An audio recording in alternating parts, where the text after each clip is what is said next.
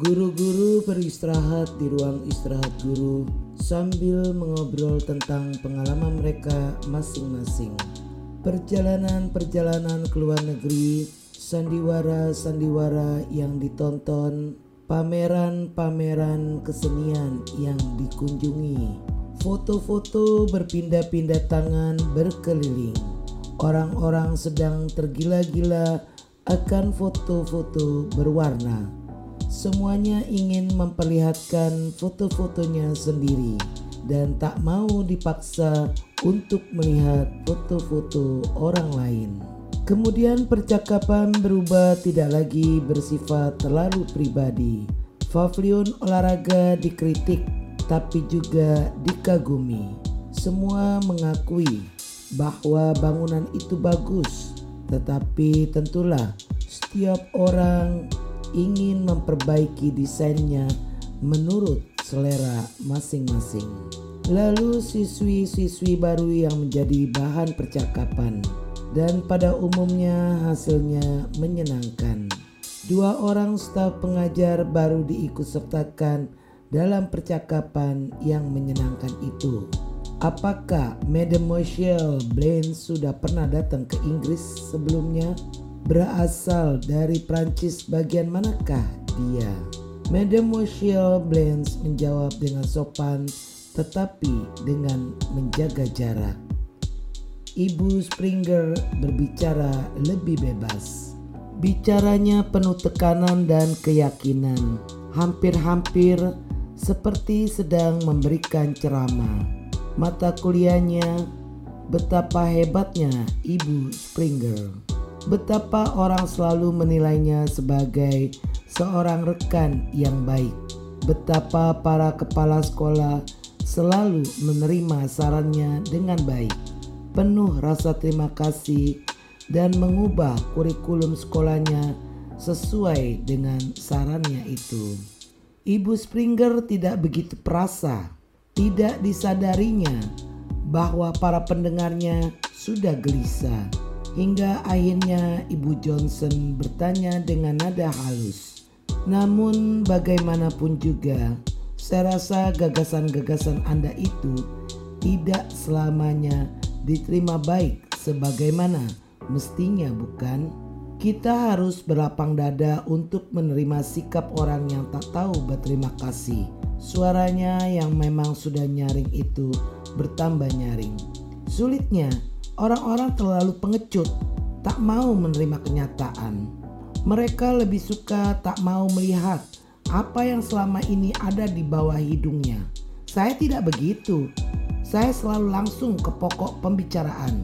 Bukan hanya satu kali saya telah berhasil membongkar suatu skandal yang kotor. Saya kemukakan hal itu kepada umum. Saya punya hidung yang tajam. Kalau satu kali saya sudah melihat jejaknya, saya tidak mau meninggalkannya lagi sampai saya bisa menangkap apa yang sedang saya kejar. Dia tertawa riang dan nyaring. Menurut pendapat saya, tak seorang pun boleh mengajar di suatu sekolah yang kehidupannya tak bisa dikemukakan secara terbuka.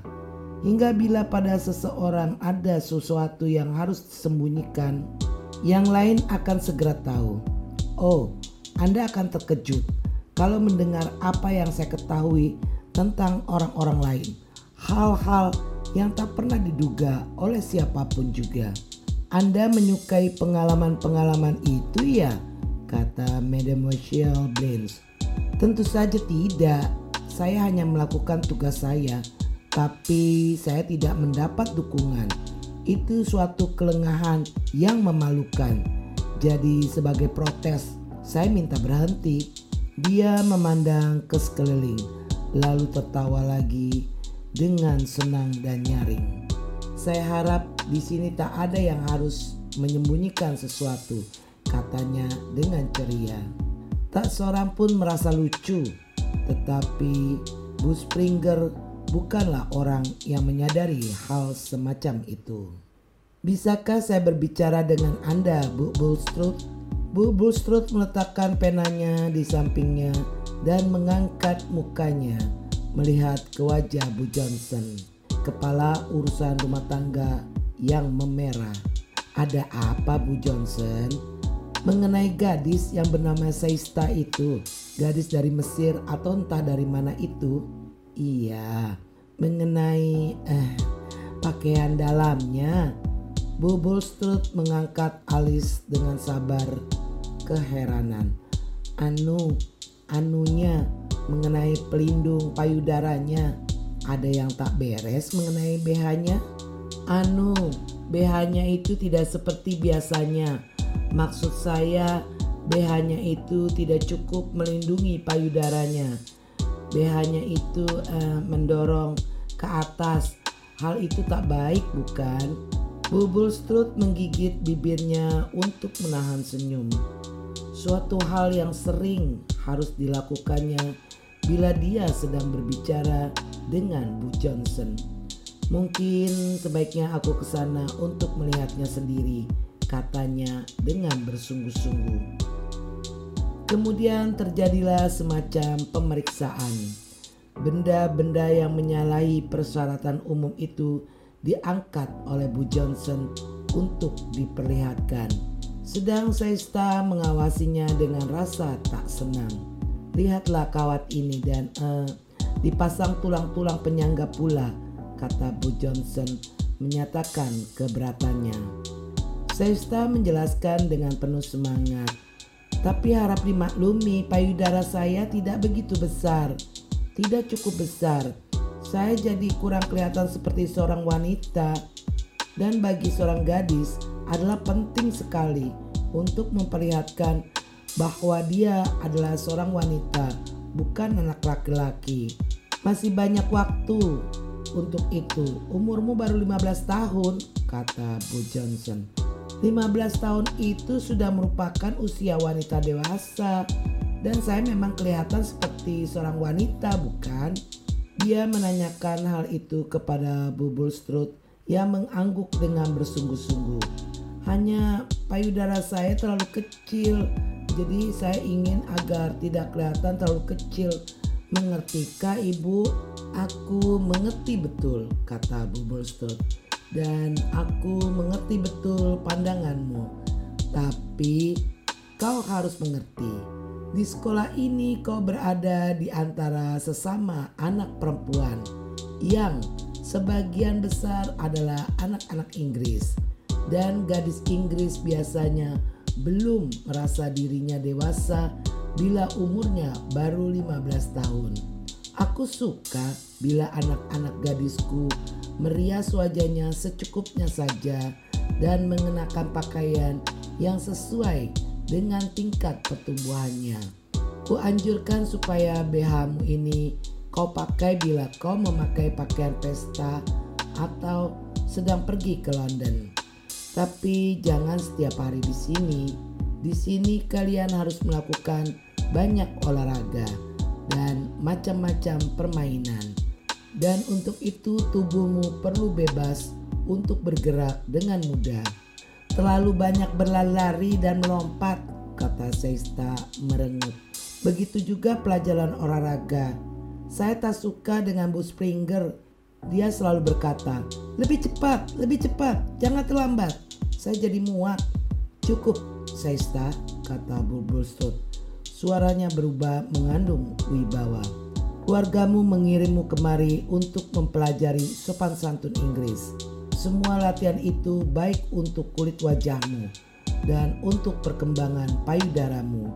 Setelah menyuruh Sesta pergi, dia tersenyum pada Bu Johnson yang masih merasa kacau. Sebenarnya memang benar katanya. Gadis itu merasa sudah matang benar. Kalau kita melihat dia, kita akan menyangka bahwa umurnya sudah lebih dari 20 tahun. Dan begitu pula lah perasaannya. Kita tidak bisa mengharap dia merasa sebaya dengan Julia Upjohn umpamanya. Ditinjau dari kecerdasan, Julia jauh lebih cerdas daripada Seista. Tapi kalau dilihat tubuhnya, Julia kelihatan masih pantas mengenakan pakaian kanak-kanak. Saya lebih suka mereka semua seperti Julia Upjohn, kata Bu Johnson. Aku tidak. kata Bubulstrut dengan tegas. Sebuah sekolah penuh dengan anak-anak perempuan yang serupa akan sangat membosankan. Membosankan pikirnya.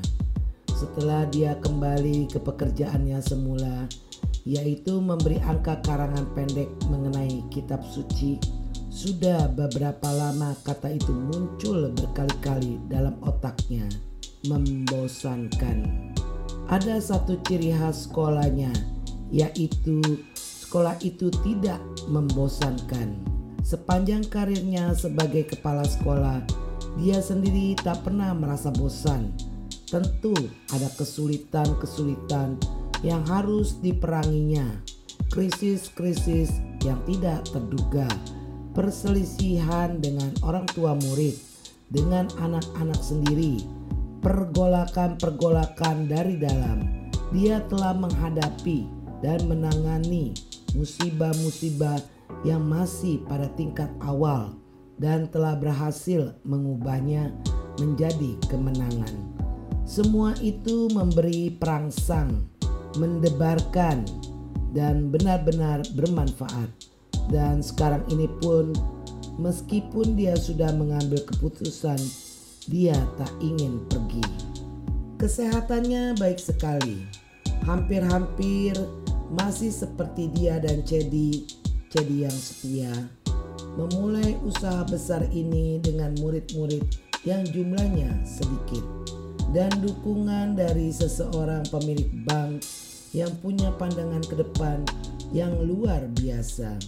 Hasil-hasil pendidikan akademis Cedi lebih baik daripada hasil pendidikannya sendiri, tetapi dialah yang punya rencana dan menjadikannya sekolah ini suatu tempat yang terpandang hingga dikenal di seluruh Eropa. Dia tak pernah takut mengadakan eksperimen. Sedang Cedi sudah merasa puas bila dapat mengajar dengan baik apa yang diketahuinya dengan baik tanpa selingan-selingan yang mendebarkan. Hasil yang terbaik yang selalu dapat dicapai oleh Cedi adalah bahwa dia selalu siap sedia, siap berbuat, siap menjadi penengah yang baik, dan cepat memberikan bantuan bila bantuan itu diperlukan. Seperti yang telah terjadi pada hari pembukaan semester dengan Lady Veronica. Bu Bulstrut ingat bahwa berkat keteguhannya jugalah maka suatu bangunan yang begitu mega telah berhasil mereka bangun. Ya, kalau ditinjau dari segi materi, kedua wanita itu sudah bisa hidup senang dari sekolah tersebut. Bila mereka berhenti bekerja sekarang, keduanya sudah punya penghasilan yang terjamin dengan baik sepanjang sisa hidupnya. Bu Bulstrut ingin tahu apakah Cedi juga ingin berhenti bila dia sendiri berhenti. Mungkin tidak, mungkin baginya sekolah itu rumahnya, tempat tinggalnya. Dia akan melanjutkannya dengan setia dan bisa diandalkan untuk mendukung pengganti Bu Bulstrut. Karena Bu Bulstrut sudah memutuskan harus ada seseorang pengganti. Mula-mula bekerja sama dengannya dalam suatu bentuk pemerintahan bersama dan sesudah itu memerintah sendiri. Menyadari kapan harus pergi itu adalah salah satu yang terpenting dalam hidup ini. Pergi sebelum tenaga kita mulai melemah, sebelum genggaman kita mulai mengendur sebelum kita merasakan kebosanan. Selama timbul keengganan untuk menyadari betapa besarnya usaha kita untuk bekerja terus. Bu Bolstrut sudah selesai memberi angka karangan-karangan itu dan menyadari bahwa anak keluarga Upjohn punya otak cemerlang. Jennifer Sutcliffe sangat kurang daya hayalnya tetapi dia dapat menangkap fakta-fakta dengan baik sekali. Mary Face jelas merupakan anak yang pantas menerima beasiswa Daya ingatnya baik sekali, tapi dia seorang gadis yang sangat membosankan. Membosankan.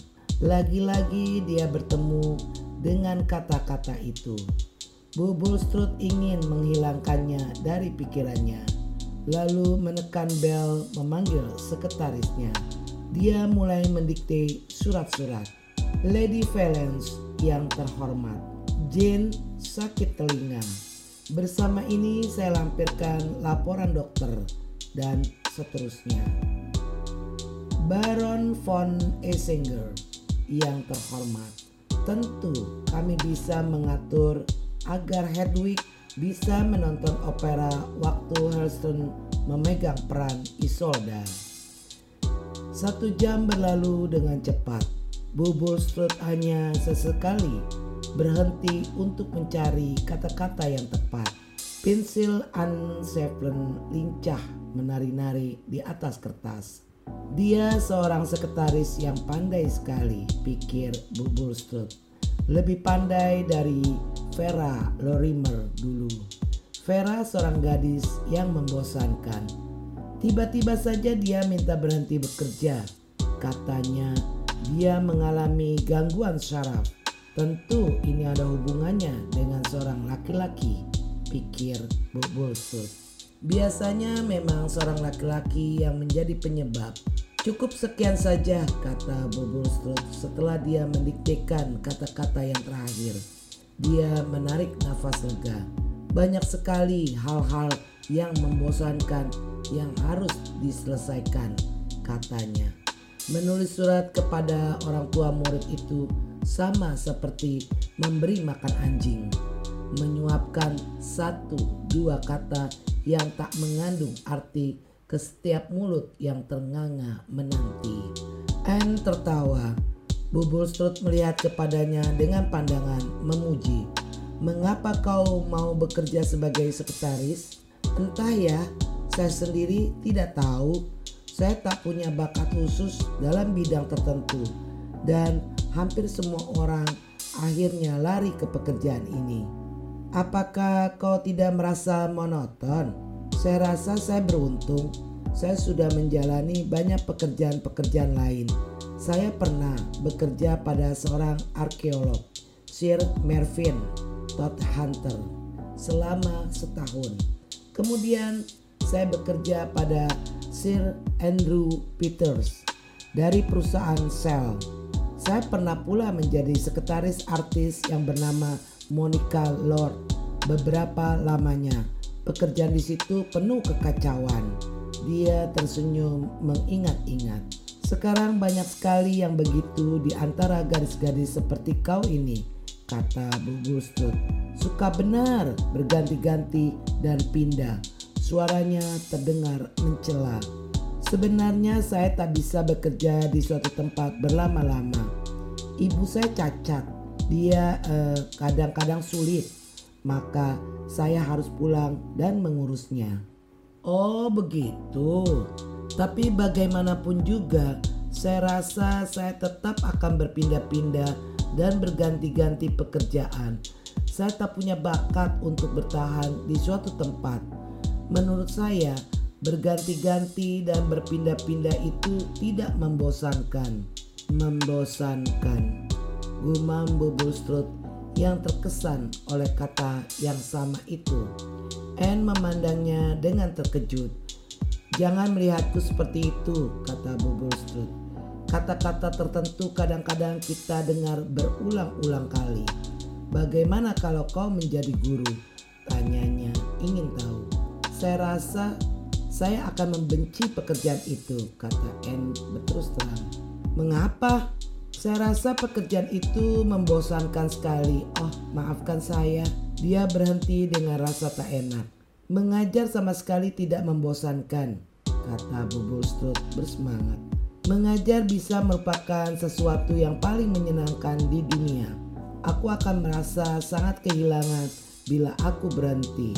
Tapi Apakah N menatapnya? Apakah Anda punya rencana untuk berhenti? Ya, itu sudah menjadi keputusanku. Oh, setahun atau mungkin dua tahun lagi aku baru berhenti. Tapi mengapa? Karena aku telah mempersembahkan yang terbaik untuk sekolah ini dan telah menerima yang terbaik pula dari sekolah ini. Aku tidak mau sesuatu yang nomor dua. Lalu, apakah sekolah ini akan berjalan terus? Oh iya, aku bakal punya pengganti yang baik. Saya rasa Bu Fansitter ya. Jadi kau sudah memastikan dia, kata Bu Bulstrut memandangnya dengan tajam. Itu menarik. Saya rasa saya tidak terlalu memikirkannya. Saya hanya mendengar pembicaraan staf pengajar. Saya rasa dia akan melanjutkan pekerjaan Anda dengan baik, tepat seperti tradisi Anda. Dan dia punya penampilan yang mengesankan, baik, dan penuh percaya diri. Saya rasa itu penting bukan? Ya itu penting. Ya aku yakin Eleanor Van Sittard akan merupakan orang yang tepat. Dia akan melanjutkan apa yang Anda tinggalkan, kata Anne sambil mengumpulkan barang-barangnya. Tapi apakah aku menginginkan hal itu? Pikir Bubulstrut setelah Anne keluar. Melanjutkan apa yang kutinggalkan. Eleanor pasti akan melakukan hal itu. Tidak akan ada eksperimen-eksperimen baru. Tidak ada lagi sesuatu yang baru. Bukan begitu. Aku membuat Meadowbank sampai jadi seperti ini. Aku berani mengadu untung. Aku membuat banyak orang tak senang. Aku menggertak, aku merayu, aku tak mau mengikuti pola yang dijalankan di sekolah-sekolah lain. Bukankah cara itu yang kuinginkan akan dilakukan oleh penggantiku di sini? Seseorang yang akan bisa menuangkan kehidupan baru di sekolah ini, suatu pribadi yang dinamis seperti Ellen Rich. Tapi Ellen belum cukup matang, belum cukup berpengalaman. Dia bisa membangkitkan semangat orang dan pandai mengajar. Dia punya gagasan-gagasan. Dia tidak akan pernah membosankan omong kosong. Dia harus membuang perkataan itu dari pikirannya. Eleanor Van Sittard tidak membosankan. Dia mengangkat mukanya waktu Bu Chadwick masuk. Oh, kau jadi, katanya. Aku senang sekali bertemu denganmu. Bu Chadwick kelihatan agak heran. Mengapa? Apakah ada suatu persoalan? Diriku sendirilah yang menjadi persoalannya. Aku tak mengerti pikiranku sendiri. Tak biasanya kau begitu, Honoria. Memang iya. Bagaimana jalannya semester ini, Cedi? Kurasa cukup baik. Bu Chadwick kedengarannya tidak begitu yakin. Bu Bulstrode mendesak. Ayolah, jangan menutup-nutupi apa yang tak beres. Tidak ada, sungguh Honoria, sama sekali tidak ada apa-apa. Hanya saja Bu Chadwick mengerutkan dahinya dan wajahnya kelihatan seperti seekor anjing boxer. Ah, hanya perasaanku saja, tapi bukan sesuatu yang pasti. Siswi-siswi baru itu kelihatannya menyenangkan. Aku tak begitu suka pada Mademoiselle Blanche, tapi dulu pun aku tak suka pada Genevieve Depew. Licik, Bu Bulstrode tidak terlalu memperhatikan kritik itu. Jadi selalu menuduh guru-guru bahasa Prancis licik. Dia bukan seorang guru yang baik, kata Bu Bulstrode. Sungguh mengherankan. Surat-surat pengantarnya begitu baik. Orang-orang Prancis tak pandai mengajar. Mereka tak mengenal disiplin, kata Bu Chadwick. Dan Bu Springer sebenarnya juga terlalu bersemangat. Melompat kian kemari saja kerjanya. Cocok benar dengan namanya, Springer. Dia menjalankan pekerjaannya dengan baik. Ya, memang baik sekali. Staf baru memang selamanya tidak menyenangkan, kata Bu Bulstrode. Benar, kata Bu Chadwick membenarkan dengan bersemangat. Aku yakin memang tidak lebih dari itu persoalannya. Ngomong-ngomong, tukang kebun baru itu mudah sekali. Tak biasa zaman sekarang. Rasanya tak ada lagi tukang kebun yang muda. Sayang, dia begitu tampan. Kita harus benar-benar waspada jadinya. Kedua wanita itu mengangguk menyatakan mereka sependapat. Mereka tahu benar bahaya yang mungkin ditimbulkan oleh seorang anak muda yang tampan terhadap hati gadis-gadis remaja.